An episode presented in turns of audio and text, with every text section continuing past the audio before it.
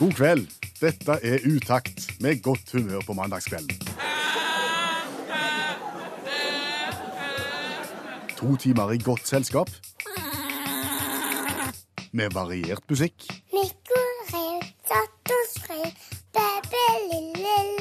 Per Øystein Kvindesland. Og Bjørn Olav Skjæveland.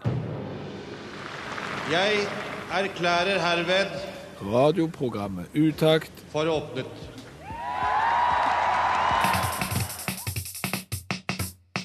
Tenk om vi kunne skapt litt radiomagi nå i løpet av de neste snaue to timene, Skjæveland. Ja, vi får gjøre så godt vi kan.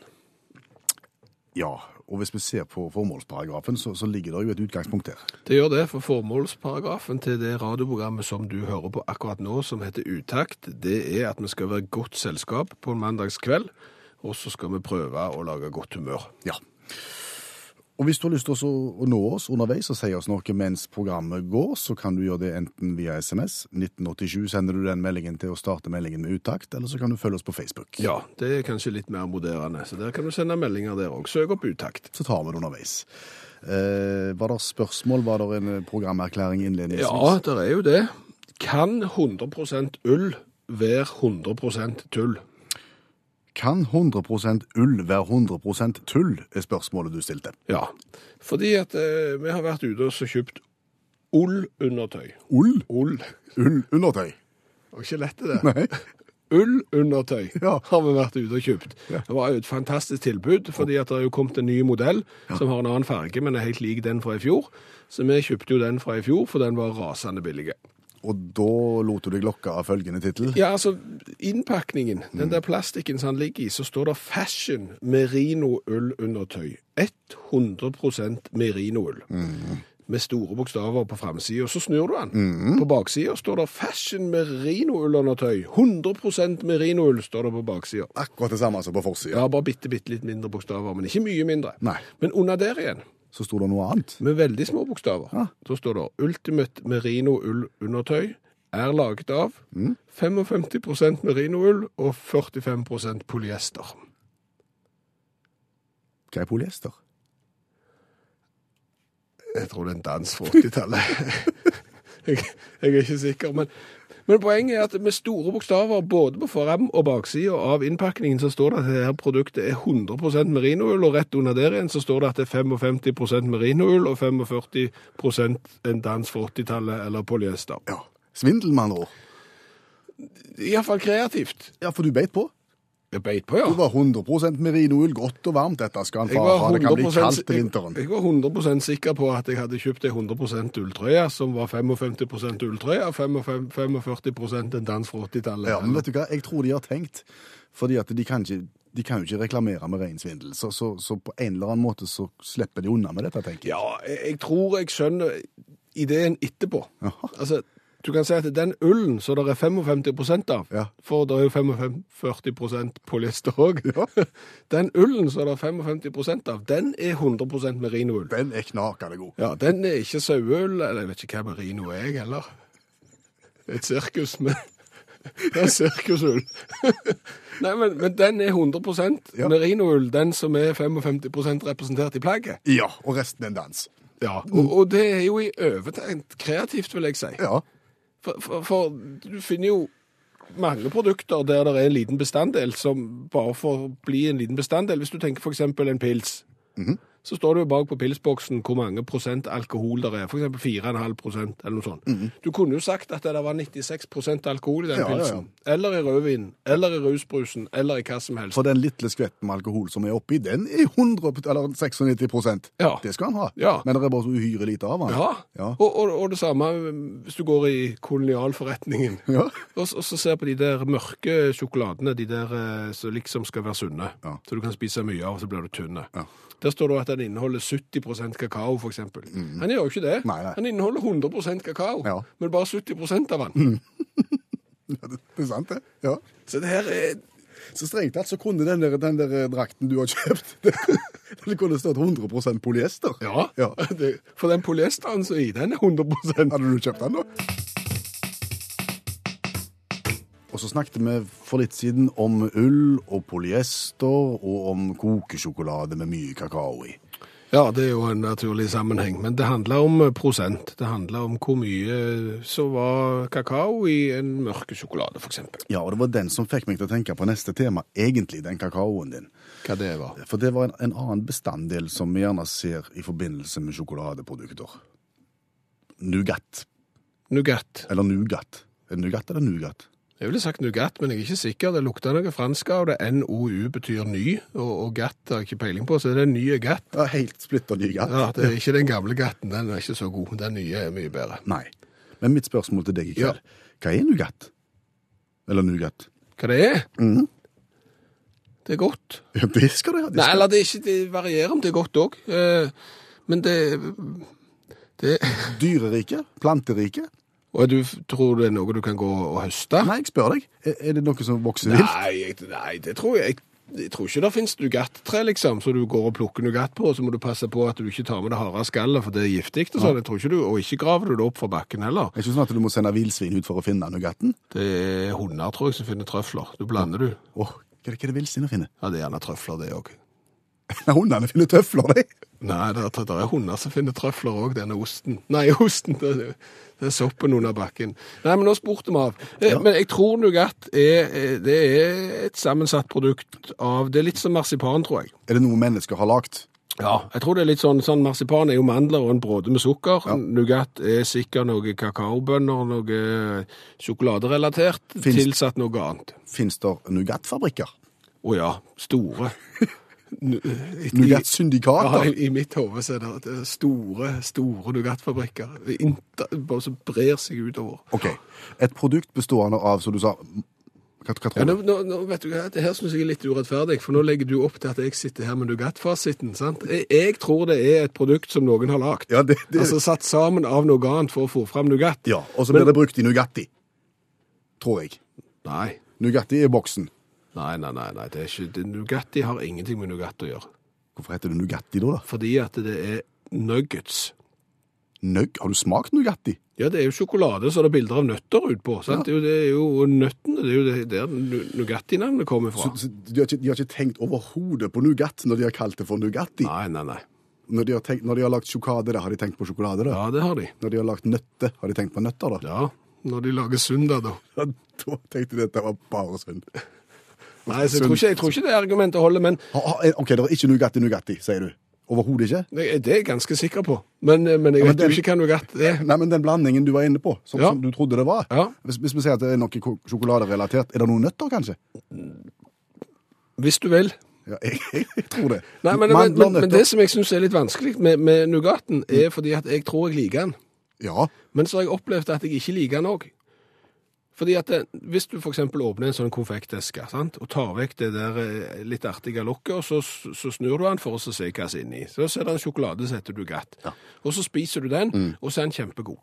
Og så er du f.eks. på en flyplass, og så må du ha med deg noe hjem, Ja. eh, og det har du glemt ut. Og, og det her er siste sjanse, og så er det en pose med Nougat. Ja. Så kjøper du Nougat, og så viser det seg at det er noe kvitt som ikke er godt. Som òg kalles Nougat. Så Nugatten har flere ansikter, det er det du Det er sier. det jeg tror, det er derfor jeg ikke vet hva det er. Du kan ikke stole på han. Nei. Nei. Men, men altså, hvis du vil nå, mm. så, så kan vi ta et internettsøk, for, for dette er ikke juks, men vi vet ikke hva Nougat er. Nei. Skal jeg søke på hva Nougat er?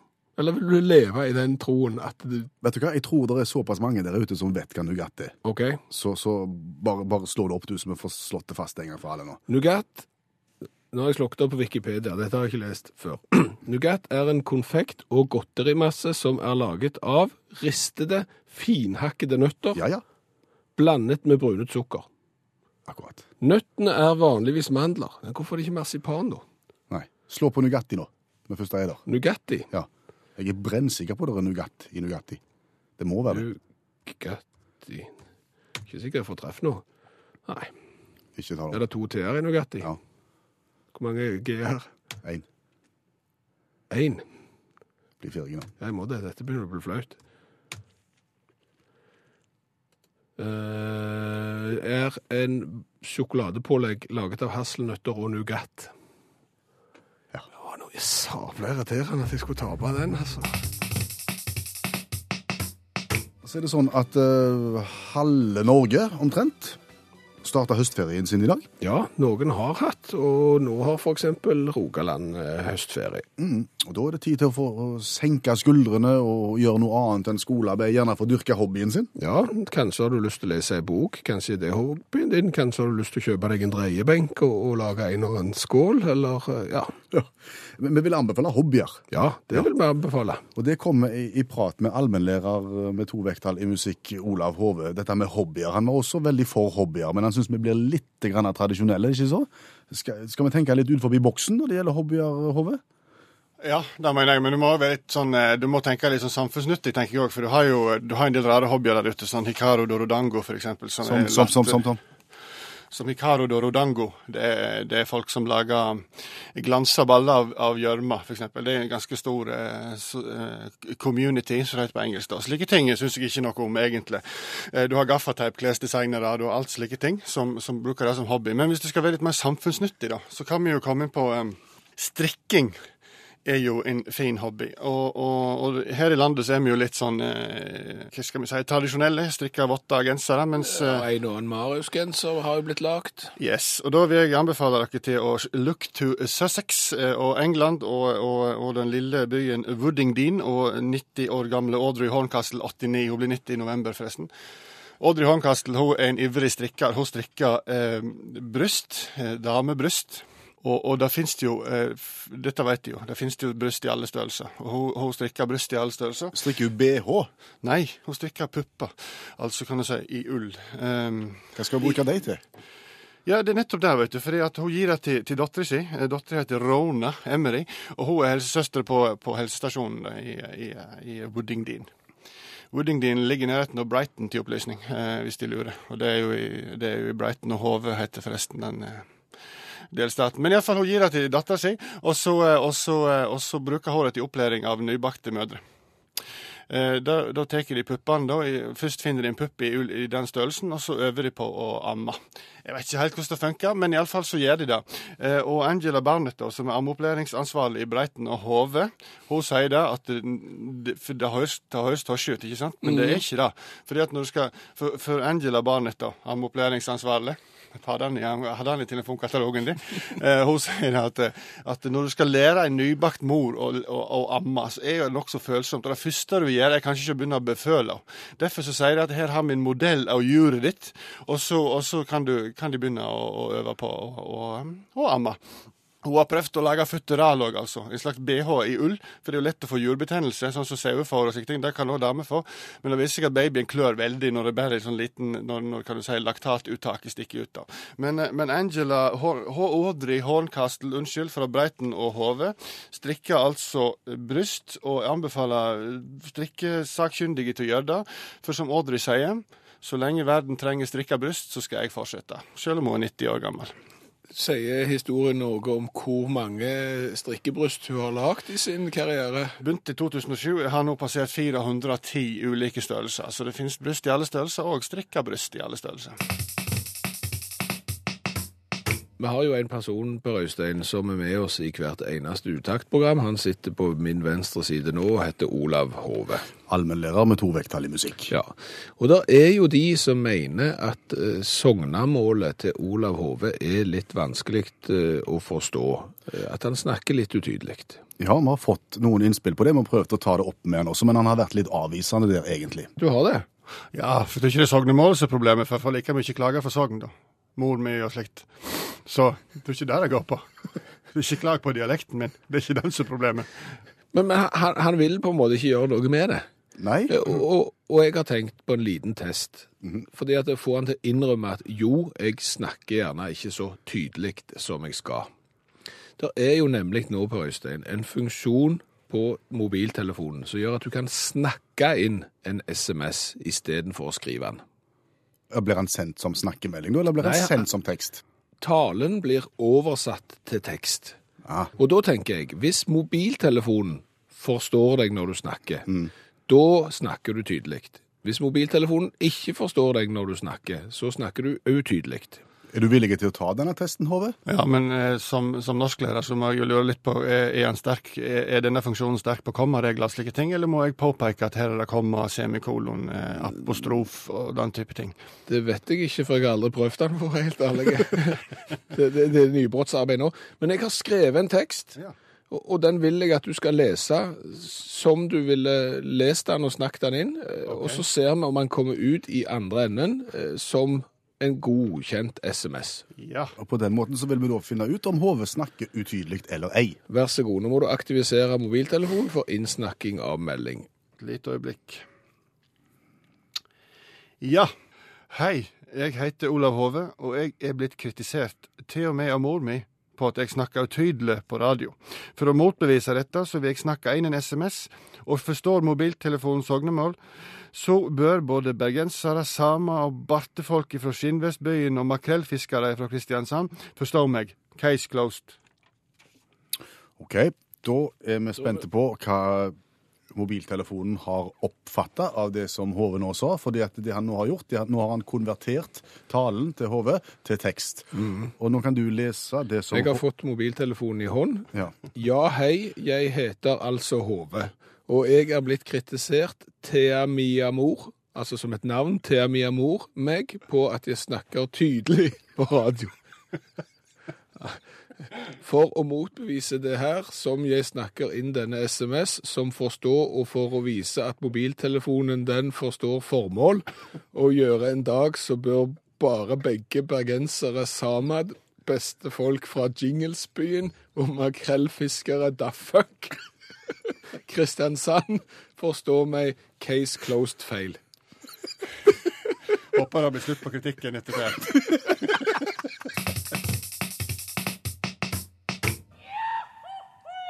Det var lyden av konkurranse. Og det er sånn i denne konkurransen at folk får melde seg på, men de må begrunne hvorfor de bør få være med.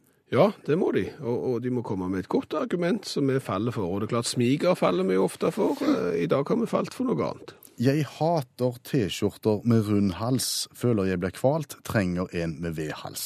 Hilsen Lisbeth uh, Håranes Suldalsosen. Og det er klart at når noen løfter fram vår T-skjorte på den måten, Ja. så, så blir vi jo smigra. Ja, det er en blanding av, av smiger og komfort. God kveld, Lisbeth. God kveld. Snart god natt. Ja, det er for så vidt det. Vi skal få, du skal få gjort unna dette her, så du får kommet deg i seng. Det, det vi vanligvis gjør, det er å gå kjapt gjennom reglementet før vi tur i gang. Da, da skal vi gjøre det kvikt, Skjæveland. Ja, seks spørrebøker fra én til seks. Lisbeth velger et nummer, og så velger vi et sidetall, og så velger vi et vilkårlig spørsmål, og svarer Lisbeth rett, så får hun gladjodling. Svarer Lisbeth feil, så får hun tristjodling. Men uansett, altså, denne her V-hals-T-skjorta med utaktmotiv på. Ingen rund hals til Suldalsosen, nei. nei. Å, gudskjelov. Skal vi begynne? Skal vi plukke fra én til seks og så finne spørrebok nummer én? Ja, da, da tar du nummer to. Da har du fått feriequiz, og der er det alvorlig mange sider, og nesten 300, nei, nesten 205 er der. Hva sidetall skal vi ta? Eh, side to. Ja, Da tror jeg vi er på innholdsfortegnelsen, så da sier vi side... Oi. Nei, nei, nei, vi er ikke det. Vi er akkurat kommet i mål med ferielandet Spania. Ti Ja. spørsmål om ferielandet Spania. Hvilket vil du ha? Eh, ja, da får vi ta to igjen. Hvilken valuta benyttes i Spania? Ja, nå er det jo euro. Ja, Og før var det Peso. Eller pes, pesetas. Petetas. men euro er helt rett, og det var jo en kjempestart. Ja, ja. Det er i null til Ja, veldig. Ja. Veldig vanskelig. Det kan fort bli verre. Nå må du ikke bli kjepphøy her, Ja. sa du, for nå skal vi videre til bok nummer to. Ja, vi skal det. Hva, hva nummer vil du ha, Lisbeth? Åh, nummer åtte. Oi. Ja, jeg har bare seks spørrebøker, så du kan ikke gå på Å, nummer ja. åtte. Nå har jeg bare fem igjen. Ja, dette er vi nummer fem. Nummer fem. Min første spørrebok det er ei spørrebok som er mynta på de aller, aller minste. Der er det veldig store bokstaver. Eh, Ja, det trenger jeg nå. du høres ikke ut som du er fra Suldalsosen, du høres mer ut som du er fra, fra Kristiansand. Ja, men er det? Aha. Men du har emigrert fordi at du var lei av Varoddbrua og sånn. Ja, jeg var en sånn det. Nei da. selvfølgelig. Men jeg har bodd her i 40 år nå. Ok, da har du holdt godt på dialekten. Ja, heldigvis. Hvorfor et nummer vil du ha? Hvorfor et nummer? Denne boka går Nei. til side 31. Ja, da tar vi side 5. Ja, og, og, og der henne, og for et spørsmål ønsker du da, Lisbeth? Det må være nummer fem. Ja, Det er bare tre spørsmål på den sida. De store, store Er det bare tre? Å ja. Er de så store? Ja, da må jeg ha, da må jeg ha nummer to. Ja, Hvem byttet bort kua og fikk fela igjen? Hun var vel Per Spellemann. Du kunne òg fått spørsmålet kan du et annet navn på sykebil, eller hva heter hovedstaden i Norge? Veldig vanskelig. Helt utrolig. Det er 2-0 til Lisbeth, og Ja. oppgave igjen. Det er veldig bra. En oppgave igjen. Ja. Da er det Ja. fire bøker igjen, så et nummer fra én til fire. Uh, skal vi se. Ta nummer fire. Ja. Da får du fra spørreboka Erotisk quiz 669 pirrende spørsmål. Der får, du ikke lov, der får du ikke lov å velge sidetall, og du får ikke lov å velge spørsmål. For mange av de er så ubegripelig grove at jeg tør Ja, ikke lese dem.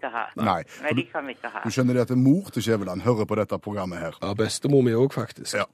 Ja, men de kjenner han vel så. De tar det vel ikke så tungt. Han, han, er- han er litt forsiktig. Så, så derfor har jeg forhåndsvalgt et spørsmål som jeg syns er av litt interessant karakter i denne erotiske spørreboka. Er du klar på den? Ja. Ja. Hva var kong Edvard den syvendes favorittsexaktivitet? Eh, Han levde da mellom 1841 og 1910. A. Var det gruppesex? Var det B. Å ha sex i badekar fylt med vin? Eller var det C. Å kle seg som brannmann? Nei, jeg tror det var B.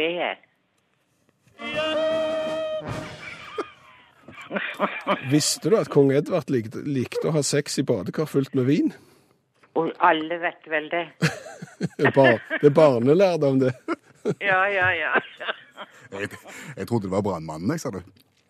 Tror Ja, du du det? trodde vel det. Ja, særlig, særlig på den tida. Alle mann til pumpene. Ja. Ja, men dette var jo strålende. Det var jo tre av tre. Ja. ja, helt fantastisk. Og vi gjorde det unna på, på ca. seks minutter, Lisbeth, så nå skal du få gå og legge deg. Nei, ja, jeg må rydde. Å nei, det inn, eh, kommer innovasjon her i morgen. Det er jo høstferie. Og du får besøk av barnebarn og greier da, eller? Barn og barnebarn og svigerbarn. og Så nå har jeg gjort ferdig skal poteter og gulrøtter. Og skal servere Det er helt tradisjon og helt forbudt den dagen å servere noe annet enn fiskeboller med reker og bacon. Ja. Aldri feil. Ja. Når det er noe med bacon, så er det godt uansett. Ja. Ja. Hils familien Lisbeth Håranes, og tusen takk for at du var med oss. Vi må videre, så det heter. Vi må finne fram en ny boks med cola, fordi Utakt sin colatest, skråstrek coladugnad, ruller videre. Ja, og det er viktig, iallfall hvis vi skal stole på Jon, som har sendt en SMS fra Arendal og forteller at han er nødt til å få med seg colatesten hver eneste mandag. Og hvorfor er dette viktig? Det er viktig fordi eh, Norge, nordmenn er et reisende folkeslag. Reiser rundt i verden og vil gjerne kjøpe cola der en måtte komme. Og da er det greit å vite om den lokale colaen er drikkende eller ikke. Ja, og derfor så tror jeg vi drikker en veldig, veldig viktig cola i dag når vi tenker på forbrukerjournalistikk. For svært mange nordmenn reiser jo til Polen. Og hvilken cola skal du da kjøpe i Polen? Ja, kanskje skal du kjøpe Hoop? Colaen Ja. fra Polen. Ja. Jeg må si det at eh, Anja Hammer Dubland var innom hos oss med en pose med colaflasker. Hun forteller at hun har reist en del rundt omkring i det siste og tatt med seg cola, og hadde lyst å bringe dem videre til oss i utakt, så vi kunne få smake på dem og bedømme dem. Og i den posen, blant de hun kom med, Hoop-colaen fra Polen. Ja. Da spørs det om den er ganske god. Den er nok ganske god, ja. Det har vi all mulig grunn til å tro før vi har smakt den. Og det var, altså, det var ikke vanskelig å finne ut noe om Hoop-colaen hvis du kan polsk. Det var litt verre hvis du ikke kan polsk. Er ikke polsk ganske vanskelig å forstå? Jo, det er ganske vanskelig å forstå polsk, det er det. Så derfor så brukte jeg et oversettelsesprogram, og jeg har da kommet fram til at Hoop-colaen er på tredjeplass på det polske markedet, bak Coca-Cola og Pepsi-Cola. OK, da er det den største nasjonale varianten. Ja, og, og Hoop-Cola er annonsert i media med hjelp av humoristiske flekker. Jeg tror det mener spots, altså reklamespots, men det ble oversatt med flekker. Og jeg har sett en del på YouTube, de, de har lagt seg på humor, Oh, ja. cola. Men jeg forstår ikke hva de ler av, for det er polsk. Ja, Og det er ganske vanskelig. Men jeg tror det kan være ganske løye hvis du hadde forstått det. Ja, men nå skal vi sjekke om Hub-colaen er ganske god. Ja. Og, og mens du åpner, så la vi bare kjapt gjenta at vi, vi gir poeng for smak, 1 til 10, og vi gir poeng for design, kulhetsfaktor, som vi kaller det. Vil du bli sett med en boks Hup-cola, f.eks. på gatekjøkkenet? Vær så god. Takk. Da smaker vi først. Lukter ganske nøytralt og alle tider. lukta riktig.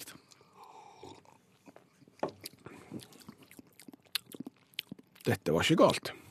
Dette var ikke galt. Nå er det viktig å være tålmodige. For nå skjedde igjen det som veldig ofte skjer. At smaken bare forsvinner. Det her har ikke jeg det, nei. Når du tenker på hvor mye vond cola vi har smakt, Ja. så vil jeg si at dette, Dette var gdanske greit. dette var mer enn gdanske greit. Det var gdanske godt, faktisk. Jeg vil si, på en skala fra 1 til 10, sett i lys av alt det rare jeg har smakt, så gir jeg den 7. Sier du det, ja? Ja. Jeg, jeg er ikke så raus, men jeg vil, jeg vil gi den en sekser. Du gir den en 6, ja, og så er det designet. Den kommer da i en 025-boks, Ja. som er rød og har ganske trendy hoop-bokstaver på. Ja, det vil si at den er litt sånn smale og høy, boksen. Ja, han Som- er litt sånn som du nesten kunne fått hvis du var, bestilte gin og tonics og sånn. Ja, Litt sånn. Irriterende format, egentlig. 0,25 er jo altfor lite til noen ting som helst. ja. Så der er det kritikk, men selve designet er jo ganske stilig. Og jeg har også sett at de leverer i plastikkflasker, og de leverer Hoop-cola i nesten hva størrelse du, du vil. Så, så eh, designet er kult. det, Eh, det som trekker litt ned, er at de har valgt eh, den tradisjonelle rødfargen. Ja, men de har en ganske sånn arkitektonisk eh, logo som, som er litt tøff og trendy og hipp. De kunne fort ha tegnet et hus som var funkisaktig. Akkurat. Og, og selv om det er lite i den, så ligger den godt i hånda, vil jeg si. si. ja, det vil den. Så jeg gir fem. Ja, der gir jeg også en femmer, faktisk. Og Der er du kopierer meg, ja. Ja. 23 poeng. Til Hoop-colaen fra Polen. Ja. Og da legger han seg ganske høyt på, Han på legger seg ikke ganske høyt. Han legger seg opp på en syvende, åttende plass. Helt oppe der med Death Valley-colaen fra USA og Est-colaen fra Thailand. Og takk igjen til Anja som har sendt oss brusen. Ja, og studerer du i Trondheim, så har du kanskje vært på noe som heter Uka. De har vel uker på andre eh, studiesteder òg, men eh, den i Trondheim er iallfall veldig kjent. Studenteruka. Ja, og der skal Øyvind og vennene hans eh, være med, og de skal visstnok da ha noe quiz. OK. For de har spurt oss, hei dere, dere har jo greie på mange ting, vi liker jo smiger, så den hiver vi oss eh, rett på, Vi er en gjeng som lurer på hvor mange pizzerier er det som heter Napoli i Midt-Norge. Og da snakker vi Nordmøre, Trøndelag og Helgeland. Fint om vi skal, kan få et kjapt svar. Hvor mange pizzerier som bærer navnet Napoli? Ja, Svaret er mange. ja men nå har ikke jeg klart å så gå så geografisk til verks som Øyvind og vennene vil ha det til, for de vil at vi skal ta bare eh, Midt-Norge der. Det har jeg ikke klart, men når jeg søker på Napoli, så finner jeg jo annet Napoli på Jevnaker. Eh, Stjørdal har det jo, den går inn. Vi- Viva Napoli restaurant. Mm. Restaurant Napoli og motell Sandnessjøen. Napoli restaurant på Hareid. Da er vi jo ikke så langt ifra Ålesund, vel. Eh, og så har du Rosa Napoli på Dombås, Lille Napoli på Moi, Pizza Napoli i Ulsteinvik. Og, altså, det- fortsetter og det fortsetter og det fortsetter. Sånn at det, vi skulle gjerne ha funnet ut av det. Da må vi ha bitte litt uh, mer tid. Men det vi kan si, eh, og dette var jo en problemstilling vi aldri hadde tenkt på før i dag, det er at oppfinnsomheten hos de som har lyst til å lage pizzeria, den er liten. Ja. For er det ikke Napoli, så er det antageligvis Venezia eller Milano. Ja, eller Lazio kan det òg være. Sier du det? Ikke Juventus. Ikke ennå, men Bella Italia er det òg ganske mange som har. Og så har du de som har tenkt litt ut forbi boksen, da. Da har du Napoli Chemical AS. De lager nok ikke pizza. Og Hvis de gjør det, så hadde jeg ikke kjøpt av de. Jeg har tenkt hvis jeg skulle starte pastarestaurant, det har jeg lyst til å gjøre en gang når jeg blir voksen. OK? Vet du hva jeg skal kalle den? Pastarestaurant? Nei. Dermed pasta. Og i programmet Utakt så skal, har du òg tidligere i dag fått hørt litt om eh, hobbyer. Hobbyer utenom eh, det vanlige. Og halve Norge har vel høstferie nå, og det er jo en god tid til å dyrke hobbyer. Ja, og akkurat dette her har vi snakket en del med vår faste mandagsgjest, eh, Olav Hove, allmennlæreren med to vekttall i musikk. Hobbyer, altså. Det er jo mange som driver med, med fotografering. Mm. Og, og jeg er jo en av dem. Og jeg tar jo bilder. Jeg er ikke hobbyfotograf, føler jeg, men jeg tar bilder av alt mulig som du syns du har lyst til å ta bilder av. Og der har vi mye å lære av engelskmenn. da. Eh, hvis, de, eh, hvis de går på eh, nettbutikker og kjøper den kjente boken eh, 'Englands kjedeligste menn', så kan du finne mye om eh, fotografering. For Der har de lagd en bok om, om kjedelige menn fra England, og, og der er det mye fotografering. Paul Rabbit, um, entusiastisk musikkpaviljongfotograf, uh, reiser rundt i, uh, i Storbritannia og tar bilder av musikkpaviljonger. Eh, han kommer fra Leighton, Le- Leighton Buzzard Beds, interessant navn på en landsby. Han, er Paul Rabbit, 49 år gammel, har tatt bilde av 370 musikkpaviljonger. Enormt fascinert av det. Eh, ikke nok med det. Eh, han har skrevet to bøker om emnet. Musikkpaviljonger gjennom Slik, slik tidene. jeg mette den. Ja, for han tar jo han tar først historikken da i ei bok, og så tar han da samtiden. da. Fins det jækla mye musikkpaviljonger i England.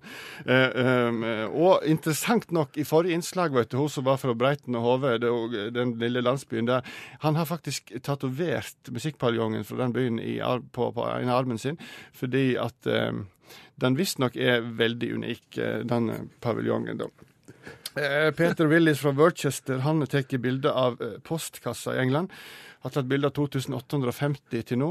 Fins masse variasjoner innenfor postkassesjangeren. Eh, og i alle fall eh, Det gjør han. Og så har du Kevin Beresford eh, Reddick fra, fra Worcestershire. Da de lager sausen eller suppen. Nei, hva er det for noe? Det er iallfall sterkt.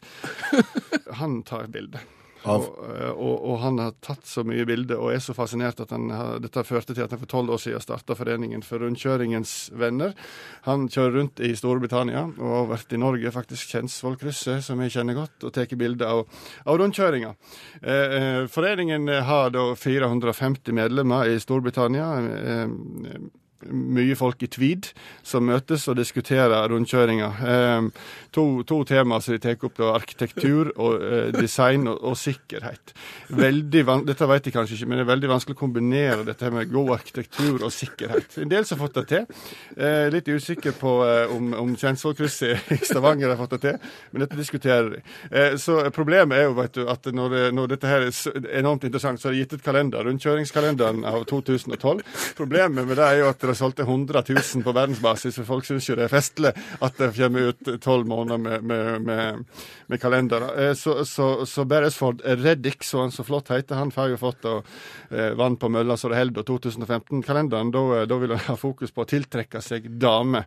Og, og har da i et intervju med en jækla lokalavis fortalt om at for å tiltrekke seg damer, så vil han ha vindmøller på coveret av, av kalenderen. Fordi at eh, fordi at jeg tror vi damer liker sikkert et eller annet. Det virker ikke helt så, så, så Kevin Beresford Reddick har helt kontakt med omverdenen, men han er en jævel på rundkjøringa. Så eh,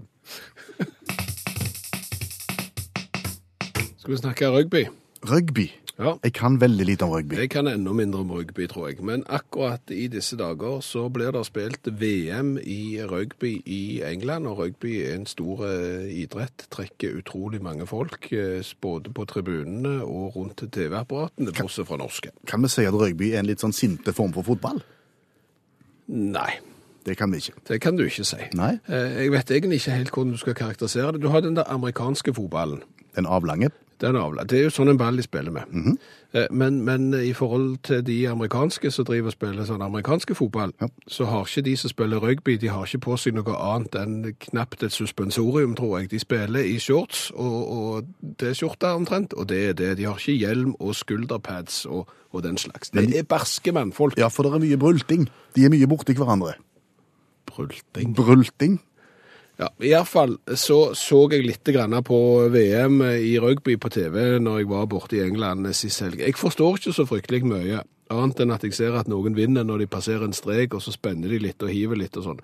Men de er så utrolig barske. Ja. De hiver seg rundt og legger i bakken, og de er jo ikke skuggeredde i det hele tatt.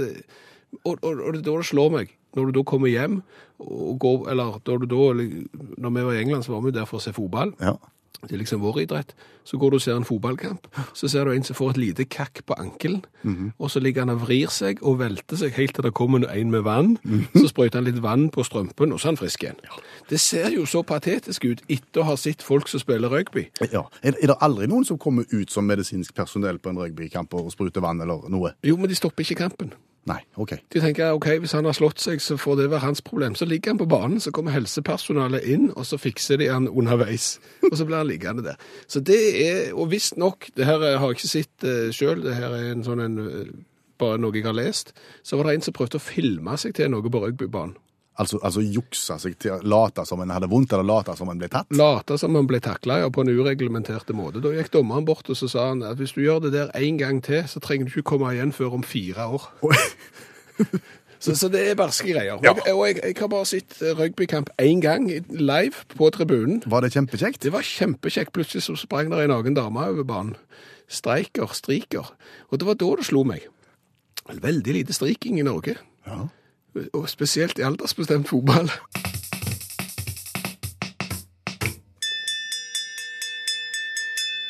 Utakt leser høyt fra boka 'Norges morsomste vitser'. De beste vitsene fra NM i humor.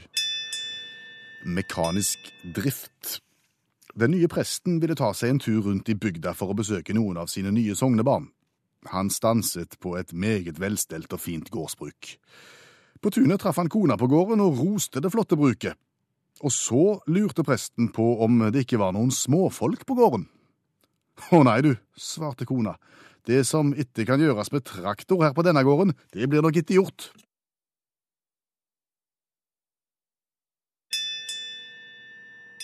Du har hørt Utakt lese høyt fra boka 'Norges morsomste vitser'. De beste vitsene fra NM i humor. Før vi starta programmet i dag, tidligere i ettermiddag, så kom vi på jobb og ble møtt av en gledelig overraskelse. På pulten sto en stor presang. Ja, innpakt og, og, og flott. Og vi pleier ikke få så mye gaver annet enn eh, cola. Vi pleier å få cola fra hele verden, så vi var litt uh, overraska over fasongen på dette, for det kunne jo umulig være brus. Nettopp. Så, så var vi i ferd med å rive opp papiret, men så tenkte vi nei, stopp en hal. Går det an å lage en liten konkurranse av dette her? Går det an å be deg som hører på utakt, om å gjette hva som er inni? Ja, Så vi filmte en liten snutt, la den ut på Facebook, og folk har uh, gjetta hva de trodde var inni denne pakken. Vi viste en bitte liten gul øh, altså, altså en liten del. Vi tok vekk litt papir, og, og, og det var på en måte et, et, et gult element. Ja, og dermed har folk eh, trodd at det f.eks. var ei krukke med honning, eller en glattpolert eh, gullakka kokosnøtt, f.eks., har Katrine foreslått. Karen Elise tro, trodde kanskje at det var en stor, eh, god hvitost. Ja, et vinterkål er foreslått. En gul colaboks. En veldig stor så- sådan. En, en stor pose Twist. Ja. Eventuelt en eller annen dessert er foreslått. Ja, forskjellige blomstervaser og blomsterpotter og hjemmelaga smør, ei stor klinkekule, en bowlingball. Alle disse tingene er foreslått. Åtte potter rømme, fire merker smør var det heller ikke. Nei, og ikke høne heller. Nei. Eh, Det vi nå har gjort, nå har vi filma fortsettelsen. Nå har vi åpna pakken og lagt ut filmen på Facebook, som viser hva vi egentlig fikk. For det vi egentlig fikk, det overrasker oss alle.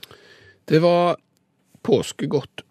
Det var en hel krukke, ei gul krukke, stappfull av påskesnop. Ja. Påskeegg. eh, Påskemarsipan. på, sånne, sånne pølser, eh, sjokolade. Det, var- uante mengder. Det var nok til ja, iallfall en lørdagskveld mellom seks og åtte. Ja. liksom. Og, du- og, og du får fort en, en idé om at eh, er, det, er det en avsender her som ikke har fått medisinen sin, som sender det av gårde akkurat nå til oss, men slett ikke og langt derifra. Her var det en tanke bak. Ja, det er Marton som har sendt de, og han la med et brev. For det han lurer på, er om vi kan teste denne påskemarsipanen og se om han er like god nå som til påske. Ja, Og det har ingenting med datoen å gjøre, at den er utgått på dato, for den holder i massevis. Det har vi på en måte følelsen av årstid. Ja, for jeg har spist pinnekjøtt eksempel midt på sommeren. Så det ute under parasoll ute i hagen på hytta og spist pinnekjøtt. Det var godt, men ikke så godt som på julaften. Nei.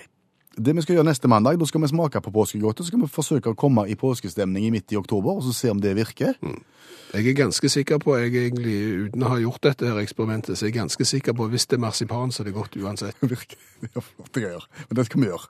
Tusen, tusen takk til Marton som har sendt oss alt dette her, og tusen takk til alle dere som har svart på oppgaven. Ja. For å si det sånn, Kjell Arne. Han foreslo rett og slett at det var påskeegg. Ja, og det er såpass godt gjort Ja. at T-skjorta med vedhals Skal til Trøndelagen. til Kjell Arne Sandvik. Vi starta dette uttaktprogrammet med å, å håpe at vi kanskje kunne klare å lage litt radiomagi i løpet av to timer. Jeg vet ikke om vi har klart det, men jeg syns det har blitt et nokså godt program. Det er ikke det verste vi har lagt. Så vi må bare si tusen takk til alle som har bidratt. Og nytt program neste mandag fra 22 til midnatt. Hør flere podkaster på nrk.no podkast.